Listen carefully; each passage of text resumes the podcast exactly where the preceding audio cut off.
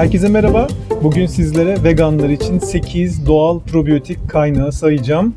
Bu konuda çok fazla yanlış bilinen olduğunu gördüm. Kendim için araştırırken bütün bunların da hepsini açıklığa kavuşturmayı planlıyorum. Başlamadan önce isterseniz önce fermentasyon ne demek buna bir bakalım.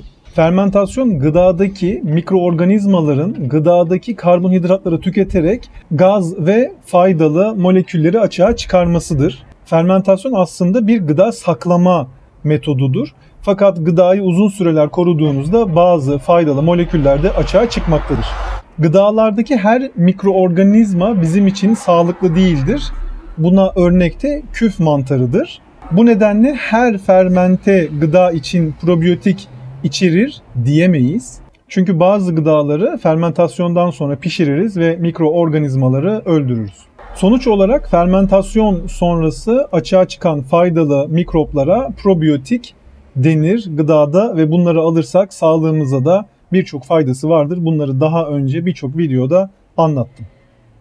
Gelin isterseniz şimdi veganlar için 8 probiyotik kaynağına değinelim. Bir boza, boza bildiğiniz gibi ülkemizde geleneksel bir içecek aslında. Normal şartlarda evlerde de yapılabilir. Mısır, darı veya buğdaydan yapılır.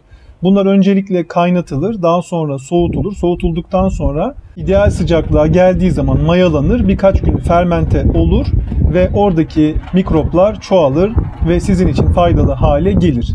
Çok güzel, yalnız bozanın bir sakıncası var. Genelde şeker katkılı oluyorlar ve çoğunda da potasyum sorbat var. Potasyum sorbat zararlı mikroorganizmaları baskılamak için kullanılmaktadır. O yüzden piyasadaki bozaları araştırırken özellikle fermente edildiğine, dinlendiril, dinlendirilmediğine dikkat edin. Piyasada bulabileceğiniz fermente bozalar mevcuttur. İki turşu Turşu çok önemli ama probiyotikli turşuyu piyasada neredeyse hiç bulamazsınız. Çünkü sirkeli veya limonlu yapılır. Eğer sirkesiz ve limonsuz turşu bulabiliyorsanız büyük ihtimalle probiyotiktir ama dışarıda bulmanıza gerek yok.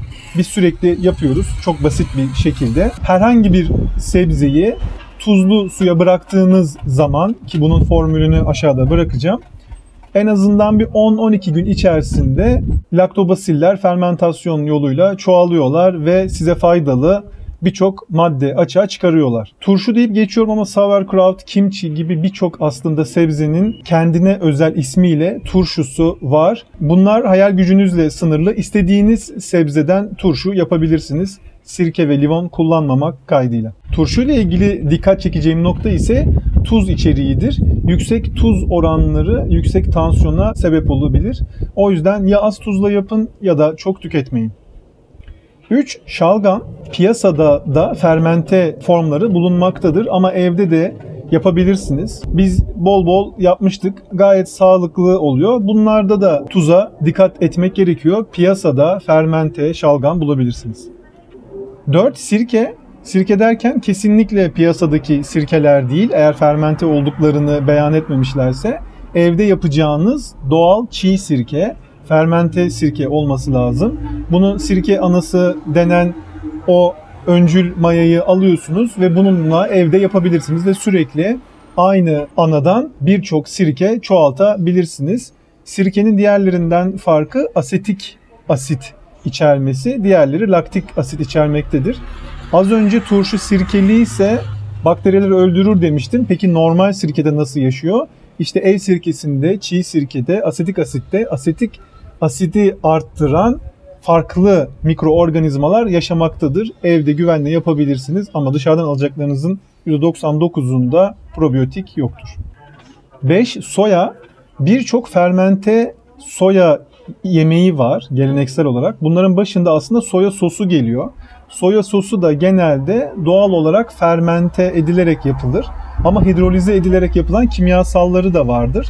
Ve bu genelde üstünde belirtilir. Evde soya sosunu yapmak biraz zahmetli olacağı için fermente soya soslarını satın alırsanız aslında probiyotik içeriği bunların da mevcut. Yine burada tuza dikkat etmek gerekiyor. Bunun dışında natto, miso ve tempe gibi bazı fermente soya ürünleri de vardır. Bunlar da yine öncü mayaları bulunabilirse evde yapılabilir. Ama şu anda Türkiye'de çok yaygınlaşmış bir sistem değil. Ama bulursanız sorarak satın aldığınız yere muhtemelen fermentedirler. Bunları da güvenle tüketebilirsiniz. Bunlar da piştikten sonra mayalandırıldıkları için probiyotikler ölmemektedir. Yani birçok fermente soyalı üründe şu anda da ülkemizde mevcuttur. 6. Su kefiri. Bu aslında yoğurt kefirinden çok daha farklı. Yoğurt kefiri Kafkaslardan gelmektedir. Su kefiri Meksika'daki bir kaktüsten gelmektedir. Bu yine mikroorganizmalar içerir. Şekerli suyu fermente etmekte kullanılır. Yine basit bir tarifi aşağıya bırakacağım. Tatlı bir su gibi olur ama içinde bol bol probiyotik vardır ve tabii açığa çıkan gazlar olduğu için gazlı bir içecek gibi de olur. Ben daha önce hiç tatmadım ama merak ediyorum yakın zamanda tadacağım ve buradan da sizinle paylaşırım. Dediğim gibi süt kefirinden, yoğurt kefirinden farklı başka mayalarla elde edilen bir içecektir. Bu Türkiye'de de bulabiliyorsunuz. 7 kombuça bu biraz popüler oldu artık marketlere kadar geldi. Bu da aslında fermente bir çay. Yine ana kombuçadan türetilerek evinizde devam edebilirsiniz veya satın alabilirsiniz. Bunlar genelde gazlı içecekler oluyor şişelendiği zaman çünkü fermentasyon sonucu gaz da açığa çıkıyor. Ama çay olarak da yapanlar var. Ben birkaç kere tüketmiştim. Hatta ilk turşumuza başlarken kombuçadan yardım almıştık içindeki probiyotiklerden. Onu da tavsiye ederim. 8. Son olarak da aslında doğal bir probiyotik kaynağı sayılmaz ama evinizde yapabileceğiniz bir tarif. Probiyotik kapsüllerle bitkisel sütlerden veya kaju gibi sütünü çıkarabileceğiniz besinlerden yoğurt yapabilirsiniz. Çok kolay olmuyor. Her probiyotikle olmuyor ama deneye yanıla içindeki şeker oranıyla birlikte biz bir tane tutturduk. Onun da tarifini aşağıya bırakmaya çalışacağım. Ama özetle bitkisel sütleri de probiyotik kapsüllerle mayalayıp fermente edebilirsiniz. Gayet de güzel oluyor. Bunun dışında bir de probiyotikli olduğu sanılan bazı geleneksel lezzetler var. Bunlardan bir tanesi nar ekşisi.